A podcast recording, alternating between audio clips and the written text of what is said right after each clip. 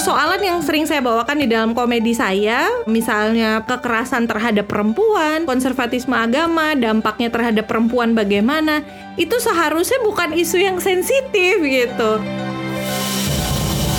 Itu justru menunjukkan betapa isu-isu perempuan, isu-isu kehidupan beragama dan sebagainya itu masih luput dari perbincangan kita gitu. Iya. Apalagi isu perempuan kan urgent banget itu. Aslam Podcast is your channel to your global alumni network. This podcast is brought to you by the Australia Global Alumni Team in Indonesia.